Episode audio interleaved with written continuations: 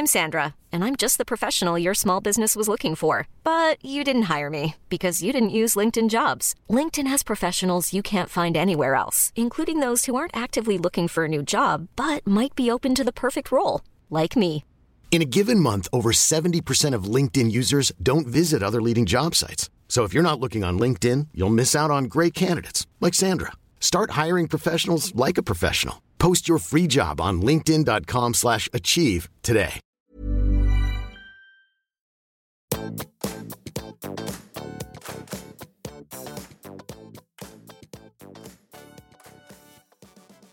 alle sammen, og velkommen tilbake til podkasten Karriereveiledning med Elaine. Ukens gjest er ikke sikkert eh, er noen som dere kjenner. Tror ikke dere har sett henne på TV sosiale medier. Men den trenger jo ikke være der for å være helt rå. Eh, Hun skal faktisk få lov til å presentere seg selv eh, kort. Men jeg skal si at hun har gjort store endringer, sånn som de fleste av oss ikke tør. Flytta fra en by til en annen. Kjøpt tidenes eh, hestegård, som også nå brukes eh, og kan brukes i samarbeid med, med Nav for rehabilitering, i tillegg til at hun er inne i hestesporten. Hun holder på å utvikle noe sjukt spennende som kan revolusjonere litt måten vi bygger og tenker om hjemmene våre på. Du, det som er det viktigste, at denne episoden her handler om fra høye hæler til vernesko. Nei, den handler om fra vernesko til høye hæler. Velkommen, Marie Therese. Tusen takk. Du, jeg kunne jo brukt 795 andre ord for å beskrive deg. For du har hatt en ganske spennende karriere, og det er jo derfor jeg hadde lyst til å ha deg som gjest. For den er jo ikke så veldig tradisjonell. Men kan ikke vi bare ta lytterne tilbake til liksom Husker du hva du ville bli når du var liten? Eh, Først så ville jeg vel egentlig bli bonde. Ja. Og så ville jeg bli miljøvernminister. ja. For de som er såpass voksne, husker vel kanskje at eh, på 80-tallet så var det kommet hull i ozonlaget, og verden skulle brenne. Og det skremte jo livskiten av meg. ja. Så jeg begynte å plukke boss på vei til og fra skolen. Ehm, og da fant jeg ut at da ville jeg bli miljøvernminister. Men så endret jo det seg, og så ville jeg bli frisør, for min mor hadde frisørsalong. Uh, men det var liksom den lette veien, da. Jeg fant ut at jeg hadde ikke lyst til å stå og klippe hår resten av livet. ja. Men da var jeg ganske bestemt på å flytte hjemmefra, så jeg flyttet jo ganske tidlig hjemmefra da, eh, det året jeg fylte 16. ja. Så flyttet jeg til Voss. Og der fant jeg ut at jeg videre ville gå til BI, og så gikk jo reisen da fra litt eh, innenfor bilbransjen, som jeg syntes var ganske gøy. Var innom litt i forsikring, men hotell har jo på en måte alltid stått litt sånn høyt på ønskelisten. ja. Um, så da flyttet jeg til Stavanger da jeg var ferdig utdannet, og så begynte jeg på å jobbe på hotell der, da. Uh, og var der i noen år før jeg flyttet til Oslo. Eh, og jobbet som salgssjef på et lite hotell, Savoy. Og det var jo veldig gøy, da. Eh, det er liksom helt om natten og helt om dagen, Mm. og det er høye hæler, og det er bånn gass og masse mennesker, og ja, syns at egentlig hotellet er gøy, men akkurat sånn hverdagen der begynte også kanskje å kjede meg litt, grann, og så holdt vi på å pusse opp det hotellet. Og da fant jeg ut at hm, det hadde vært gøy å være med på. Mm. Men da fikk min far greie på at jeg hadde litt lyst inn i byggebransjen, og han har jo vært entreprenør hele livet. Eh, og så ble han byggherre eh, og bygget prosjekter i eget regi. Og da spurte han om jeg ville komme hjem og begynne å jobbe for han. Du, er ikke dette her interessant, apropos litt sånn tilfeldigheter? For det er jo ikke så mye som skulle tilsi at du skulle inn i byggebransjen, sånn egentlig, selv om faren din Nei. da er byggherre. Men dette med å pusse opp, det var spennende, og så fikk han liksom ferten i det. Og så bytter du ut de høye hælene med vernesko. Ja, rett og slett. Helt bokstavelig talt. Ja. For det er jo klart at å gå fra hotellbransje til byggebransje, det er egentlig ganske stort skifte. Eh, fordi at det er ganske annen fagkunnskap og ordbruk eh, og tankesett. Eh, hotellbransjen er jo veldig levende. Eh, det er menneskene som er veldig viktig. Eh, I byggebransjen så er det godt konservativt, veldig mannsdominert. Eh, Så for at jeg skulle lære meg litt om det, da, så gikk jeg, eh, tok jeg på meg verneskoene og var med og bygget en blokk da, Mm. eh, på grunn og betong. Du, og dette er interessant, for du har jo ikke bare hatt på deg vernesko. altså Du har jo virkelig hatt på deg hjelm og briller, og du har jo vært i alle deler. Og um, kan ikke du si noe om For, for det jeg har lyst til å få fram i dag, det er liksom at du er ikke redd for endringer, og du har tenkt utenfor boksen. Det er det som kjennetegner deg. Så kan ikke du si noen ting om dette med disse solcellene, Nissan Leaf? Kan ikke du fortelle kort hva du gjorde der som var eh, Apropos at du er veldig opptatt av bærekraft og miljø. Eh, det skjedde vel egentlig, for vi har alltid liksom bygget gode bygg. Eh, og min far har alltid vært veldig god på det byggtekniske, å finne gode løsninger i, i byggene på de tingene. Eh, så det var jo arbeidsgruppen flink på. Eh, men så var det jo dette å dra det videre, og dette er vel tilbake til 2015. Så bygget vi, og da var jo liksom disse eh, begynte begynt å komme, men ikke så mye. Sånn. Så vi tilrettela jo ikke så mye til ladepunkter.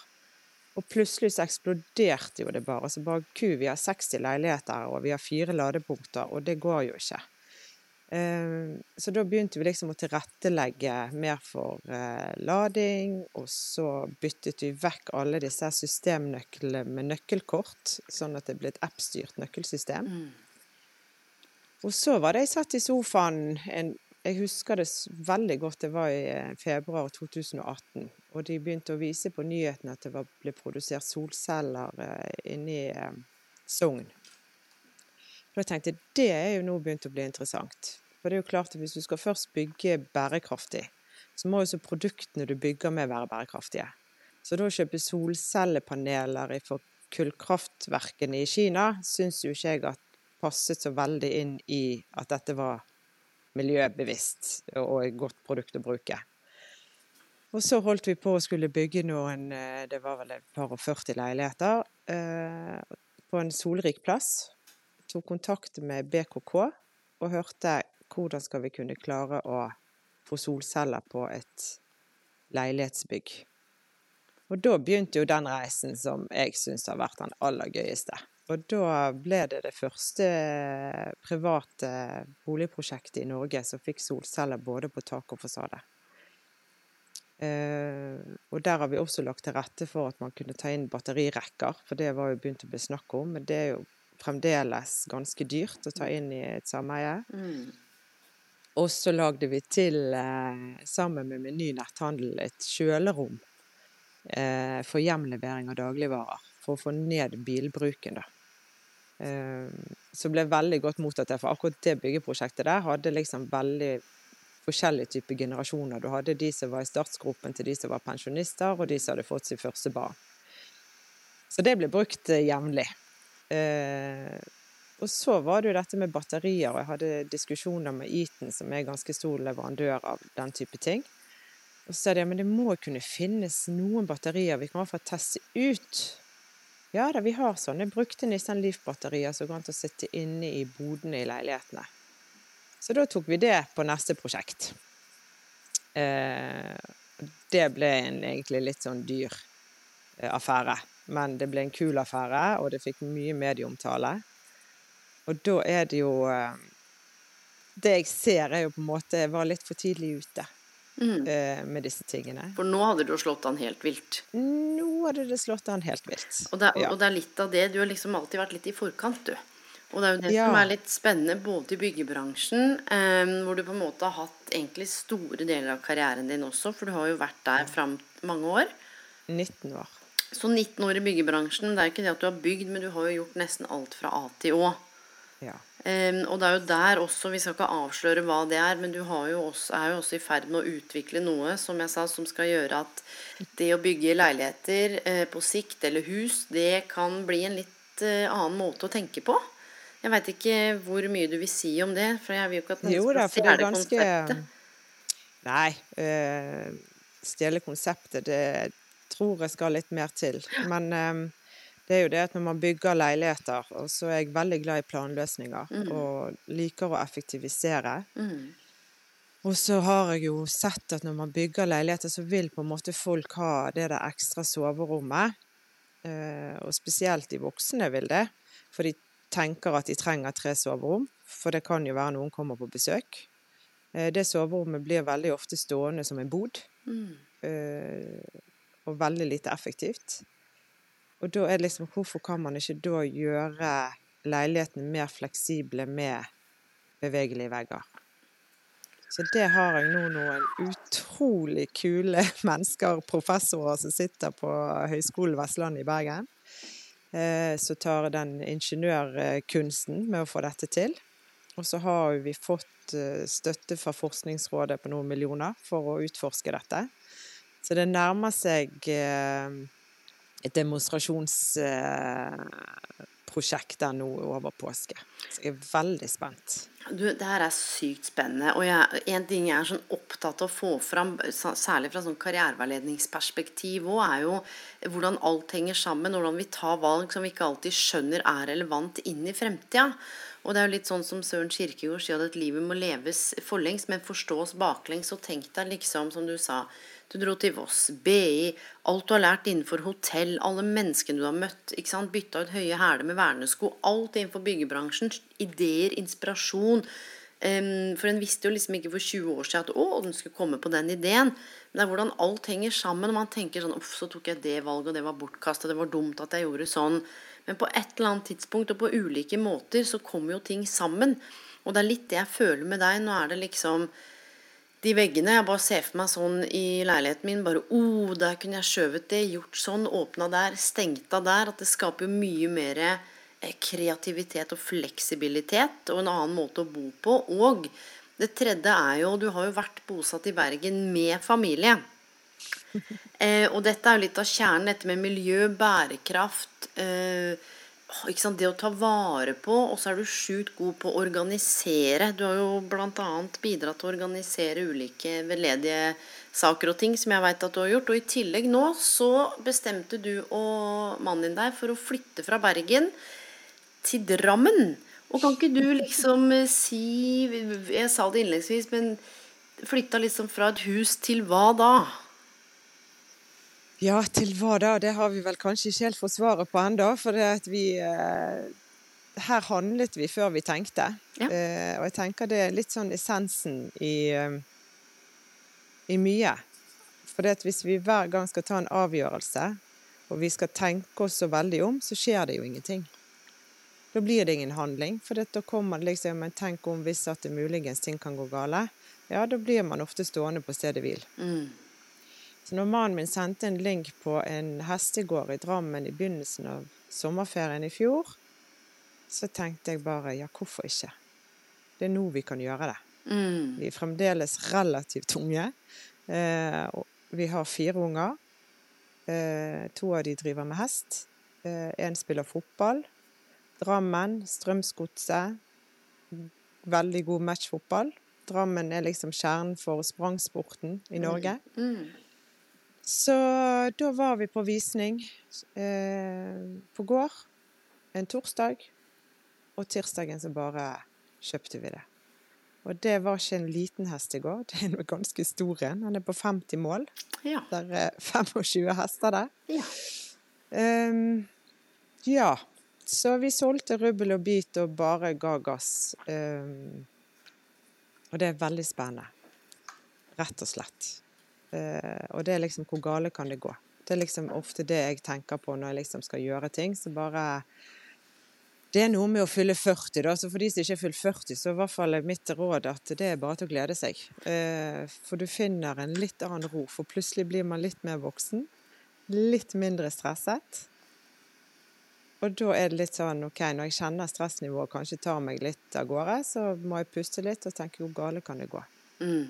Og det er sjelden at det kan gå gale. Du, og det er jo ganske interessant da, å kjøpe en Det er ikke noen sånn liten innhegning på sånn tre, tre kvadrat og en liten bod. Det er jo en hestegård og litt sånn, ikke huben for sprangridning, men kan bli. ikke sant? Døtrene dine holder på. Det er eh, mye spennende, og du er jo interessert i, i, sporten. Og opptatt av fellesskap i sporten også, for det er egentlig en ganske sånn individuell sport. Så det som slår meg liksom med deg, en sånn rød tråd har jo handla om å liksom, organisere på systemnivå, legge til rette for endring, tenke miljø og bærekraft, tenke fellesskap. Og så kjøper dere denne hestegården her, og nå snakka vi jo sammen nylig hvor du har tatt initiativ til å kontakte Nav forsøke å få på plass en eller annen avtale. fordi er det én ting jeg har skjønt nå Jeg jobber jo med mye forskjellige mennesker. Og hesteterapi eh, Altså hest har jo blitt en sånn derre ikke sant, Sammen med natur, et sted å finne ro, stelle dyr, du veit Heal. Og du kontaktet jo da Nav, og nå er det sånn at du har fått en avtale med Fretex, det er lov til å si det?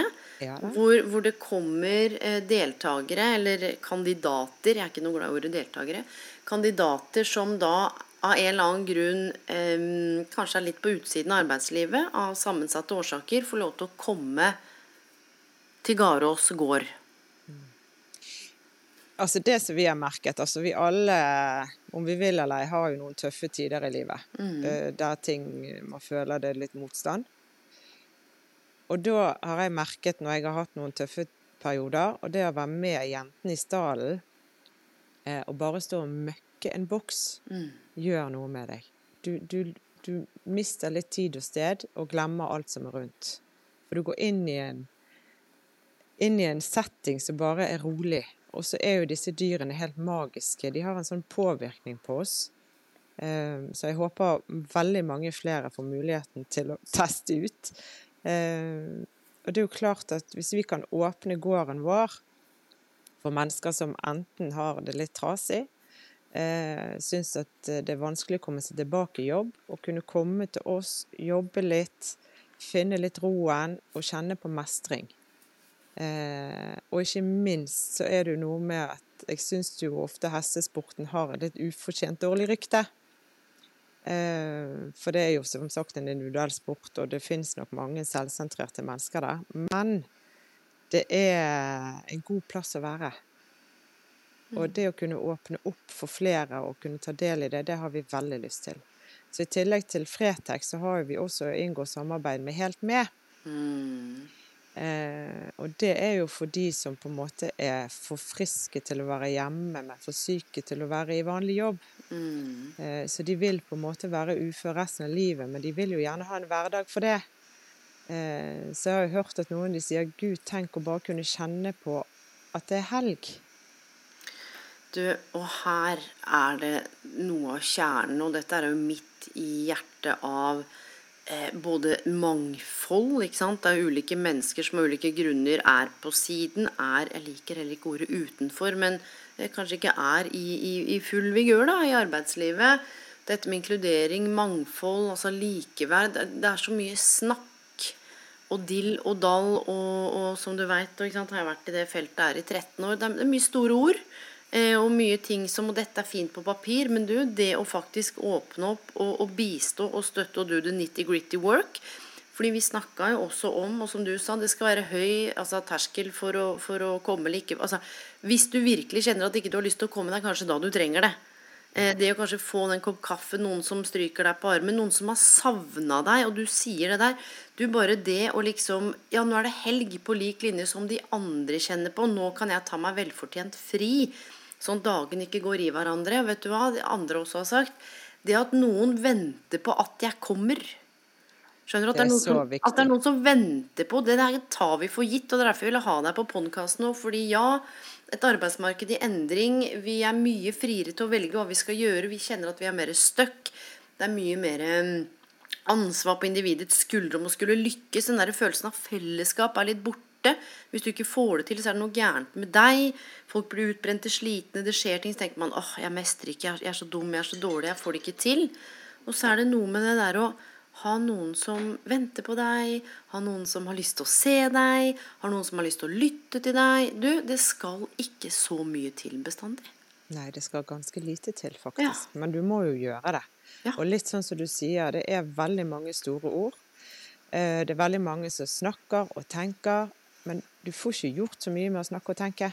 Nei, Du er nødt til å prøve å teste ut. Du må ta handlingen ut i praksis, praksis og teste.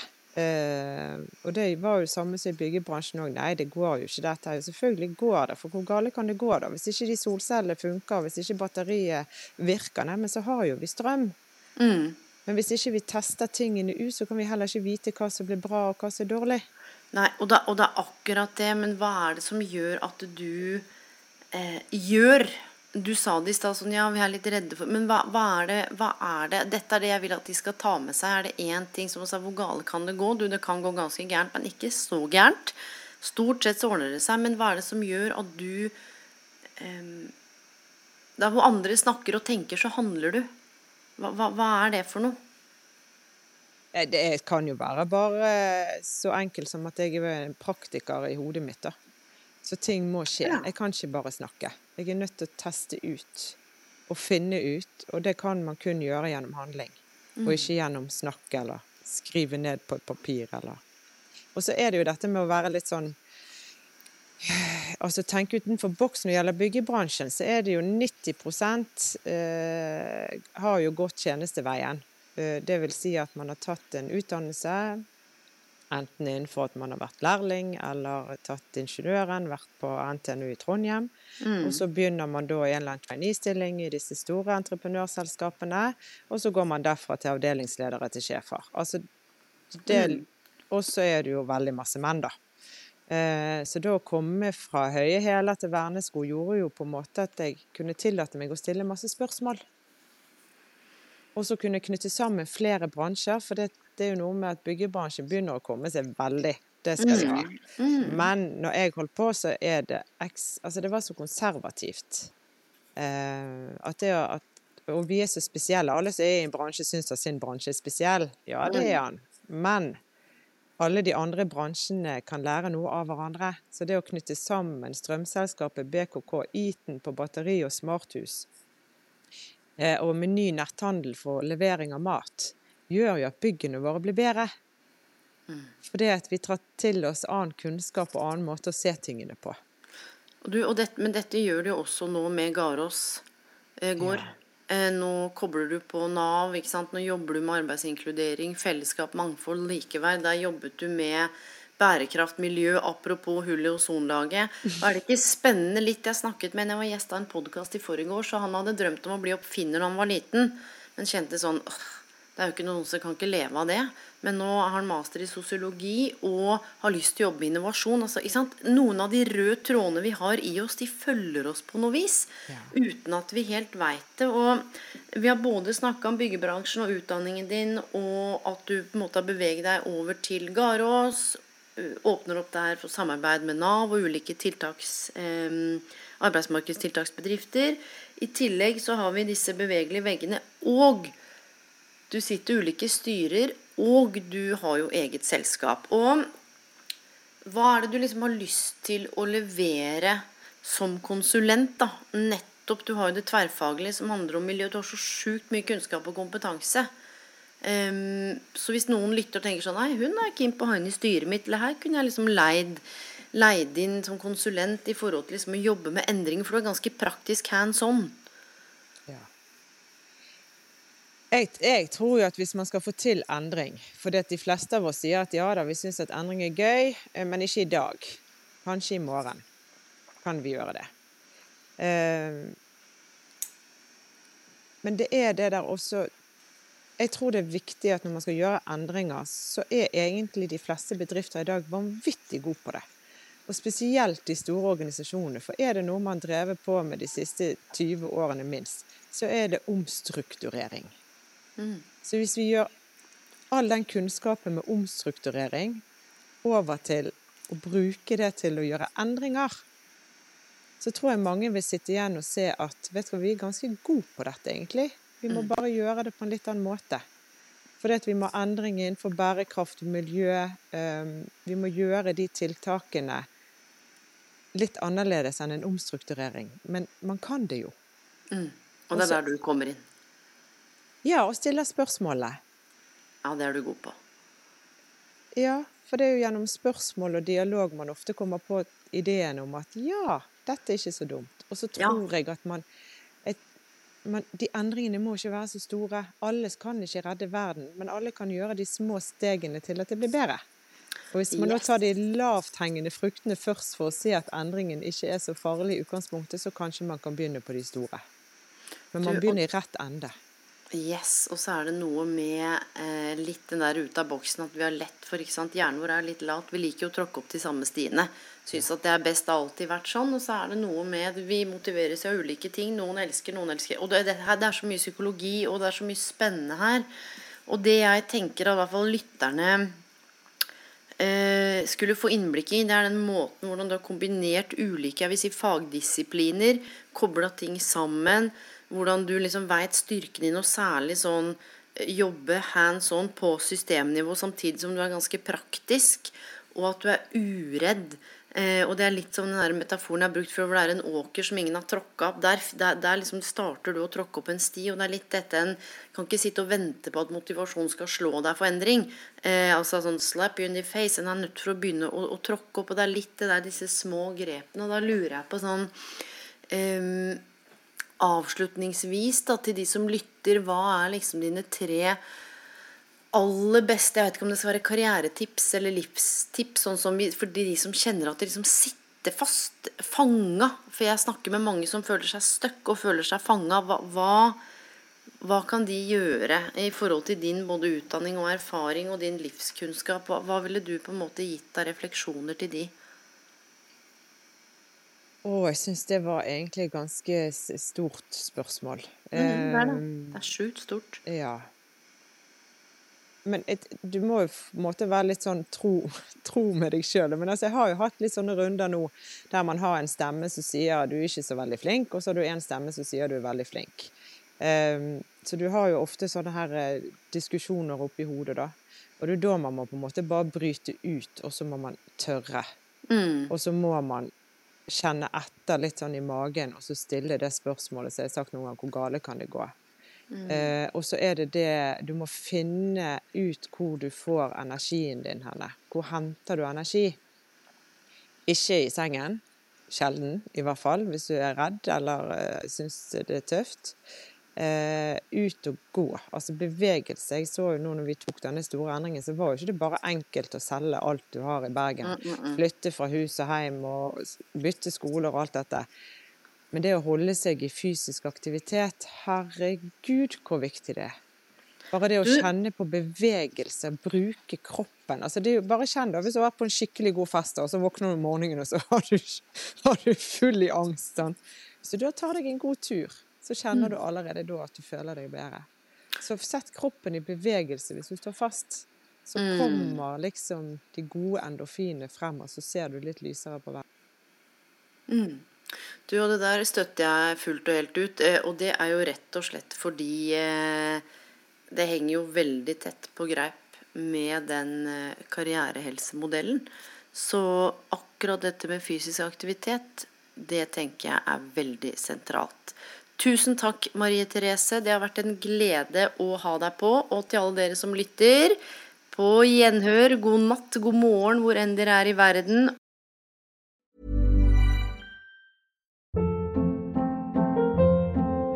Hold up. What was that? Boring. No flavor. That was as bad as those leftovers you ate all week. Kiki Palmer here, and it's time to say hello to something fresh and guilt-free. Hello Fresh. Jazz up dinner with pecan-crusted chicken or garlic butter shrimp scampi. Now that's music to my mouth. Hello Fresh. Let's get this dinner party started. Discover all the delicious possibilities at hellofresh.com.